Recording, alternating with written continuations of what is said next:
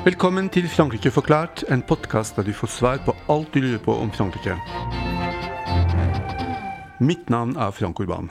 Og jeg heter Kjersti Naukrust.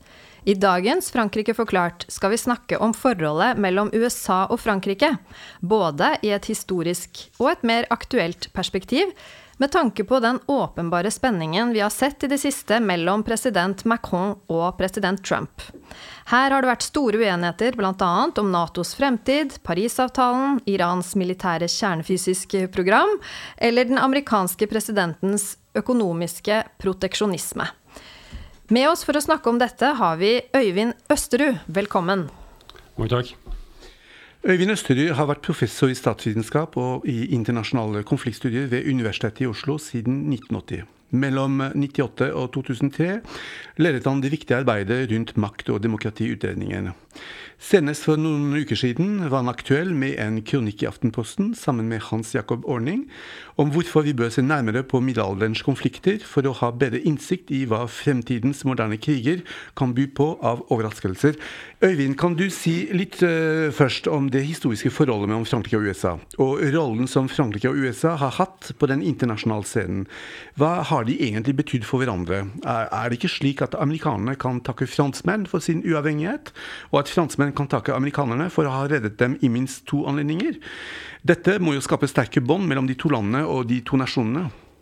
Ja, dette er jo to veldig sentrale makter. Det har vært eh, to sentrale makter, altså Frankrike var jo, var jo virkelig en stor makt på 1700-tallet. Og de støttet de amerikanske statene som ville løsrive seg fra britene, fra England i, på 1770-tallet. 1775 til 83 gikk den, den, franske, den amerikanske uavhengighetskrigen med helt avgjørende støtte av Frankrike. Frankrike var en stormakt på det amerikanske kontinentet også. Eh, frankofonien i, i, Amerika, i Canada og i det nåværende USA var, var veldig fremtredende, og, og Frankrike rivaliserte med, med britene eh, i Amerika og, og støttet uavhengighetskampen, så det var jo helt avgjørende. Og så var det veldig turbulent utover på, på 1800-tallet. Det, det, var gode forhold periodevis. Napoleon solgte det som da het Louisiana, til, til, til USA. Eh, gjorde det til en del av USA. Det, det, var, det var, det som nå er en 13-14 stater eh, vest for Mississippi. Så det var mye mer enn nåværende Louisiana. Han solgte det dels av strategiske grunner for å slippe å ha noe trøbbel på det amerikanske kontinent, og dels fordi han tjente penger på det. Så kunne konsentrere seg om Europa. Men så kom det en skjæring mellom, mellom USA og Frankrike under borgerkrigen. Helt avgjørende fordi Frankrike støttet sørstatene, støttet sydstatene under borgerkrigen. Uh, og de uh, kontrollerte Mexico. De, de uh, opprettet en franskstyrt keiser i, i Mexico under borgerkrigen. Og, og, var en viktig støtte for de konfødererte, altså for sørstatene, under, under borgerkrigen. Så det var, en, det var jo en skjæring i det tidligere gode forholdet. Det var også en liten skjæring med Monroe-doktrinen i 1823, hvor, hvor, den amerikanske presidenten Monroe erklærte at eh, gamle europeiske land skulle ikke sette seg fast på nytt på det amerikanske kontinentet. Det var rettet mot Spania, og det var rettet mot Frankrike. Kanskje i første rekke Spania, men det rammet også Frankrike. Så det var, det var ikke idylliske forhold på 1800-tallet. Men, eh, men det, var, det, var, mye innflytelse begge veier likevel. Tocqueville skrev en eh, utrolig berømt bok eh, som kom i 1835, første bind i 1835, om demokrati i Amerika, de la démocratie en Amérique, som også ble mye lest i, i, Amerika. Hadde stor innflytelse, politisk innflytelse i Amerika. Og var liksom et uttrykk for båndene mellom Frankrike og, og, og USA. Så, så det, var, det, var, til dels nære forbindelser, men med viktige skjæringer noen ganger. Dette var, dette var, to rivaliserende stormakter på mange måter. Og som kom første verdenskrig og annen verdenskrig? Ja, som kom første verdenskrig og annen verdenskrig, hvor, hvor USA midt under første verdenskrig bestemte seg for å gå inn på de allierte side mot Tyskland og Østerrike. Eh, og de leverte også utstyr, eh, våpen og penger til Frankrike. Og var avgjørende for å vende krigen. Det gikk en våren 1917 gikk USA inn i krigen. Så, så, så, det bidro sterkt til å styrke de allierte eh, britene, og ikke minst Frankrike, under første verdenskrig. Og de gjorde det samme etter angre, japanske angrepet på Pearl Harbor i desember 1941. Da gikk USA på nytt inn i annen verdenskrig, til støtte for franskmenn og briter. Og de støttet De hadde, de hadde støttet eh, det såkalte Vichy-regimet til å begynne med. som etter hvert ble et samarbeidsregime med tyskerne. Og det de gjorde da, var å støtte det frie Frankrike under de Gaulle, altså eksil-Frankrike under de Gaulle, med sikte på å frigjøre Frankrike fra tysk okkupasjon. Det var ikke deres første valg? Det var ikke deres første valg, men, men, men, de valgte til slutt da å støtte, støtte de Gaulle fra 243 og utover. Så, så, så, de sto jo på, på det frie Frankrikes side da, da freden kom i 19, 1945. Etter eh, andre verdenskrig, vil du si at forholdet mellom USA og Frankrike har vært personavhengig, altså avhengig av hvem som har vært president i de respektive landene? Eller er det andre forhold som også har spilt inn? Det har, det har vært personavhengig, men det har nok også vært strukturelt, fordi Frankrike lå med knekket rygg etter annen verdenskrig. Eh, fikk en, de, de seirende makter fikk jo en fast plass i Sikkerhetsrådet ved amerikansk hjelp. Eh, men, men, Frankrike hadde mye å ta igjen. Altså de, var, de var knekt etter annen verdenskrig. Og, og det var viktig å, å, reise seg på nytt, og det gjorde at det var fort å oppdage at nei, her står USA i veien på mange viktige punkter. Ikke minst for de Gaulle, som, som dannet en regjering i 45, og så kom tilbake på slutten av 50-tallet, under, under, siste fase av Algerie-krigen. Da de Gaulle igjen kom til makten, og han var ikke spesielt amerikanskorientert. det kan man trygt si. Slik, ja, ja, det kan man trygt si. Det er, jo, det er jo sånn at liksom, Frankrike og, og, USA hadde et verdifellesskap på mange måter. Altså, de var to republikker. Revolusjonen i Frankrike og revolusjonen i Amerika på slutten av 1700-tallet var begge inspirasjonskilder for 1814. norske grunnloven. Frihetserklæringene i disse konstitusjonene. Så, så, de hadde en del felles, og det var to demokratier etter hvert som hadde mye felles. Men det er jo også sånn at når det er rivalisering, så spiller det ikke så stor rolle om de har de samme verdiene. Ja, fordi apropos dette med verdifellesskap, og at det er to demokratier eh, som i utgangspunktet har mange felles verdier, som de begge anser som universelle. Er dette en fordel eh, i forholdet mellom de to landene, eller er det som du nevner her, at man er mer foe enn friend? Eh, ja, altså, ja, i utgangspunktet så høres det ut som en fordel. Altså, det er lettere å snakke sammen. Det er lettere, De snakker mye samme språk, de skjønner hverandre. Men det er ikke nødvendigvis, det er ikke, noen, det er ikke noen nødvendig betingelse for et godt forhold i internasjonal politikk. De kan godt komme i et veldig sterkt rivaliseringsforhold. Og Frankrike og USA gjorde det etter, etter annen verdenskrig. Og ikke minst utover på, på 1960-tallet. Frankrike fikk Marshall-hjelp på 1950-tallet. Mye støtte av USA. Fra USA Nest største til biten. Ja, ikke sant? Veldig mye. Mye amerikansk støtte på 1950-tallet. Eh, USA var sterk tilhenger av europeisk integrasjon, som Frankrike også ville ha. Så det var veldig mye på, på 50-tallet, slutten av 40-tallet og 50-tallet. Delingen av, av, av, Tyskland og Berlin, hvor Frankrike fikk en sone. Det var ikke opplagt, det, men, men, men de fikk det. Og, og, så, så, det var mye samarbeid. Men, så, men, men da de Gaulle kom til makten, eh, etablerte en sterkere president, mer vekt på utenrikspolitikken, så endret jo dette forholdet seg. De Gaulle stolte ikke på den amerikanske atomparaplyen. Eh, han sa nei, utvidet avskrekking, ikke, ikke troverdig. Vil USA risikere Washington og New York for å ledde London og Paris? Nei, neppe. Neppe. Når det kommer til stykket, vi må ha en egen atomstyrke. Første frapp. Som han bygde opp på 60-tallet. Og så fant han jo også ut at liksom, ja, dette, dette, dette, er ikke veldig velsett i, i Washington. Det er amerikansk eh, motstand. Og han valgte å trekke Frankrike ut av den felleskommandoen i Nato. De meldte seg ikke ut av Nato, men de trakk seg fra felleskommandoen i 1966.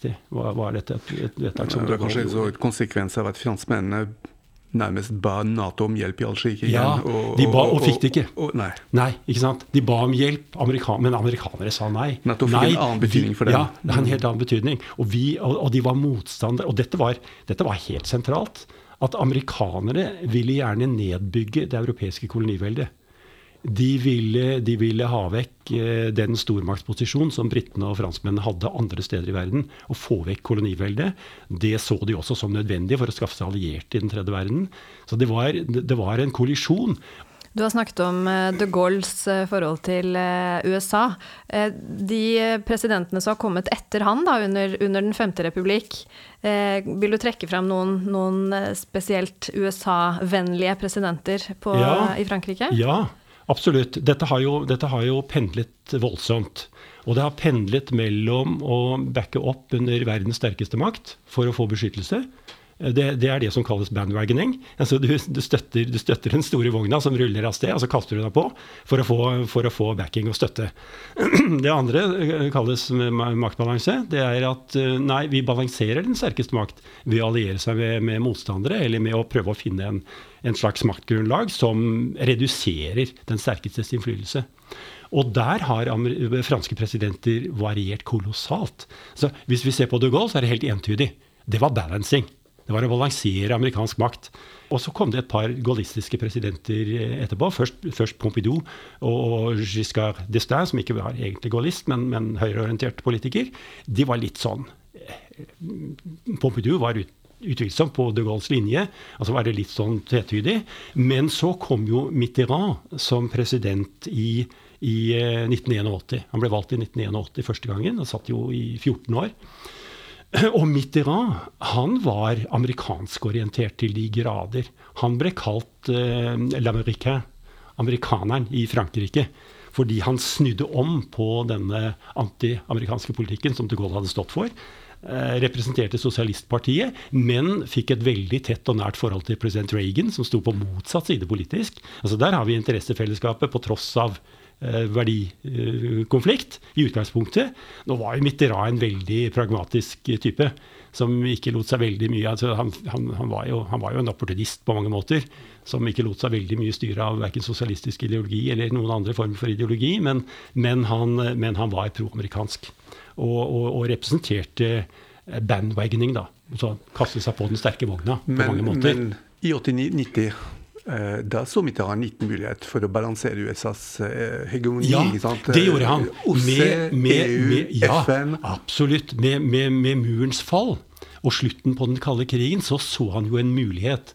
Liksom, da var det ikke lenger nødvendig med den betingelsesløse støtten bak USA.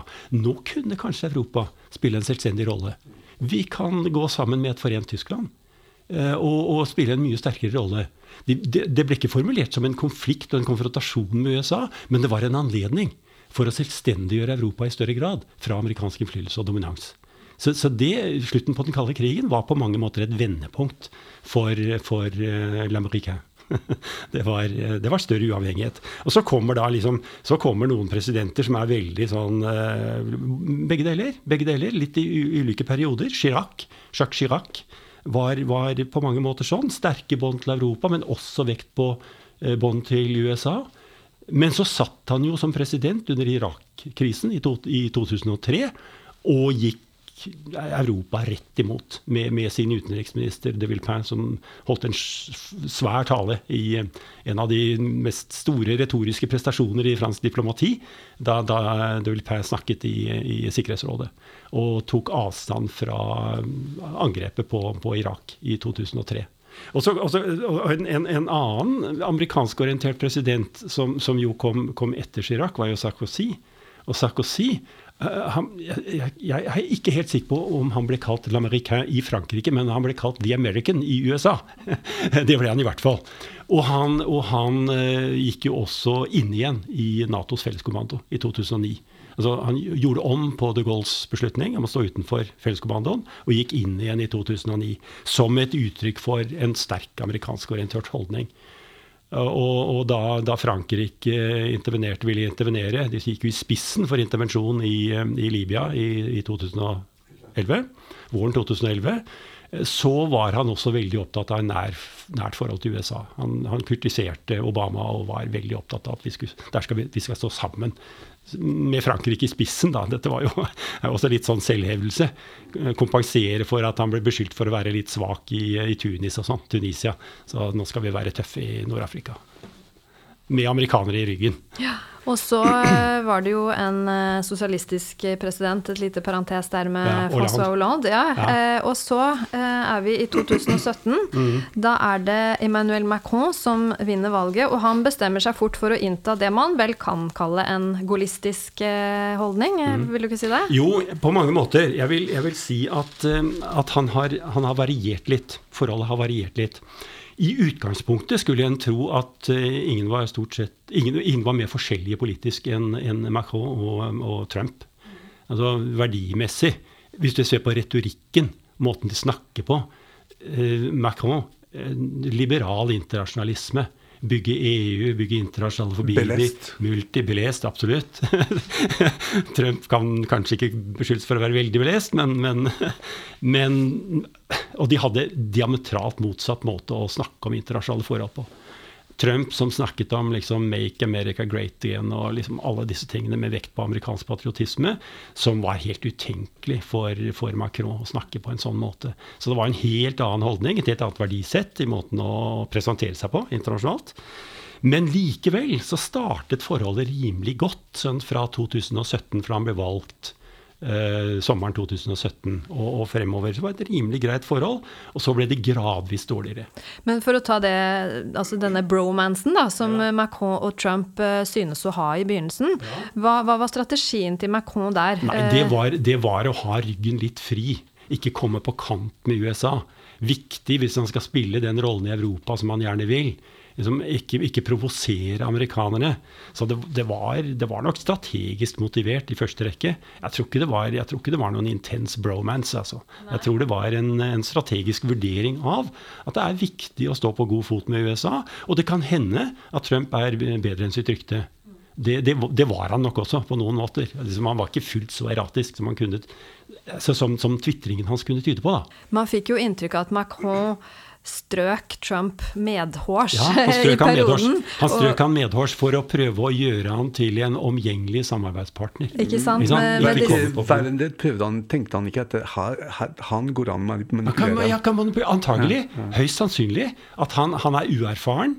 Han, han, sier mye rart, han er en løs kanon på dekk, men det går antagelig an å manipulere han litt. Han imponerte Trump med militærparader ja, 14.07. på Champs-Élysées. Trump besøkte Frankrike under, under nasjonaldagen, 14.07., og, og, og, ble vist liksom dette flotte greiene. Og han hadde, og han hadde en, en, en, flott kompliment til, til, Macrons kone. og liksom, var, det, var, det var gemyttlig forhold. Det begynte bra. Begynte bra, Absolutt. Men eh, så? Nei, så begynte det jo å skjære seg mer og mer. Da kom jo alle disse De kom krisene i forhold til handelspolitikken. Uh, I forhold til Kina, i forhold til Europa. Eh, i forhold til eh, Midtøsten og Russland. Så liksom, nei, dette begynte, å, dette begynte, å, skjære seg mer og mer. Og, og toppunktet, det kom, det kom, i grunn uh, før jul. Altså høsten 19. Med et, et Nato-toppmøte. Da, da, Macron sa at Nato er en hjernedød organisasjon. Og det var med utgangspunkt først og fremst i Syria-situasjonen. Da Trump sa at nei, nå trekker vi oss ut av, av Syria. Vi overlater kurderne til seg selv. Vi, vi, vi, vi, beskytter ikke våre allierte på bakken lenger. Og dette var en uh, voldsom provokasjon for, for fransk Midtøsten-politikk. Han mente også at dette viser at det er noen, det er ikke noen konsistent strategi i den amerikanske politikken. Altså de, de, de, går fra løfter, og de og svikter allierte. Og, det kom etter ja, de kom på toppen av Iran-krisen mm. Iran med, med, spørsmål om oppbygging av atomvåpen, hvor Frankrike mente at nei, det er ikke noen klare beviser for brudd på avtalen. Vi, vi holder fast ved et samarbeid med Iran og, og, og stiller krav, men, men vi bryter ikke avtalen. Så det viser seg at uh, Trump var ikke så manipulerbar som Nei. Eh, Macron hadde ønsket? Da, Nei, han var, han var, ikke det. Han, han, eh, han, tok, han, tok, spørsmålet om America First alvorlig. Det var virkelig alvorlig ment. Og han førte en, førte en politikk i tråd med det. Så, så, så liksom, det, det skal, og det, det betydde at strategien om å liksom binde han litt inn være litt sånn multilateral, som det heter. Multilateral. Altså allianse mellom mange land som kan samarbeide med USA som, som en ledende støttespiller etter, etter europeiske interesser i Nato. Nei, det går ikke helt som vi trodde. Altså Hvis en ser på situasjonen akkurat nå, så er det jo litt annerledes. Nå har de, nå har de begynt å finne en, finne en, slags, eh, en, slags, tone igjen, helt nylig. Og det gjelder, det gjelder den akutte krisen i Libanon. For der har de begynt å snakke sammen. Der har Macron og Trump begynt å snakke sammen. Kanskje vi liksom bør, bør, gjøre noe i Libanon? Støtte, støtte opp om eh, ja, forsyninger altså. altså, ja, mm. Krisebegrensning. Krisebegrensning i Libanon. i fellesskap. Det, det, har de nå begynt å snakke litt om. Så, så nå er det ikke fullt så ille som det var i desember og januar. Skal vi se litt fremover. Eh, hvordan kommer forholdet mellom de to landene til å gå hvis Trump gjenvelges i år? Og hvilke konsekvenser vil dette få for eh, det internasjonale samfunnet? Eh, Trump er vel ytterst usikkert. Det kommer an på hva som skjer nå frem til, frem til valget i november.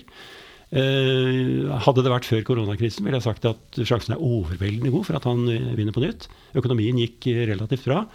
Eh, arbeidsledigheten relativt lav og, og, så ikke så verst ut. Nå er dette mye verre, og, og, og hvis denne krisen, koronakrisen og økonomiske krisen i kjølvannet av den fortsetter frem til november, så ligger han tynt an. Da, men, men, ja. men liksom, ja, hvis, la, oss si at, la oss si at Trump blir gjenvalgt. Jeg vil gjette på at Macron igjen prøver å liksom, dempe motsetningen. Det er i fransk interesse å dempe motsetningen. USA er de har det, det militærstrateger liksom kaller full spectrum dominance i militære spørsmål. De, de leder i alt. Kina er en, en middels makt militært fortsatt, og vil være det i, i mange år fremover. Så liksom, betydningen av å være alliert med USA vil fortsatt være viktig. Og, Macron er en uh, diplomat. Så han er, en, han er, en, god diplomat på mange måter. Men hva da hvis eh, demokratenes presidentkandidat eh, Joe Biden slår Trump? Ja, Da går det helt fint. Da går det fint, ja, fordi du tenker Biden ja, da, Jo, for han er, han er, europeeren. Så du tror på en god relasjon ja, eh, tror, potensielt ja, jeg med Frankrike? Jeg vil, vil, tro på det. Og interessemotsetningene mellom Europa og USA er ikke, er ikke så store. Mm. Så jeg tror ikke det. er En litt sånn gradvis amerikansk tilbaketrekning, som, som europeere også vil synes er, er, rimelig greit. Med mindre de trekker seg helt tilbake. Det vil de jo ikke. Nei, la oss beholde noen baser, noen, tyske, noen amerikanske soldater i Tyskland og andre steder i Europa. Fint, men ikke altfor mye innblanding.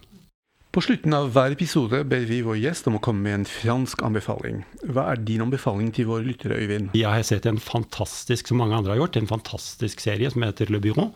Le Bureau des Légendes, som er en, som er en etterretningsserie. Eh, fabelaktig. De som ikke har sett den, bør se den. De som har sett den, burde prøve seg på litt fransk litteratur. De burde lese et par av de veldig gode bøkene som er laget om denne serien, og forholdet til den reelle etterretningstjenesten, som serien har stått i nær forbindelse med og samarbeidet med under opptakene.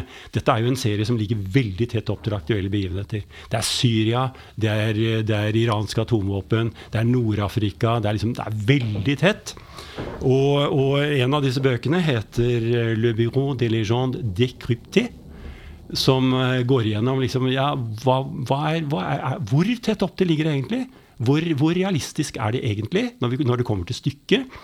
Uh, den andre det er en bok som heter uh, 'Histoire secrète de la DGSE'. Som da er Etterretningstjenesten. Verdt å lese! og, og, rekrutteringen går som det suser i DGSE om dagen etter serien. Går som det suser, ja. Kjerstin, har du en anbefaling? Det har jeg. Jeg vil gjerne anbefale en Facebook-gruppe som heter Tur de France, altså ikke Tour, men Tur på norsk.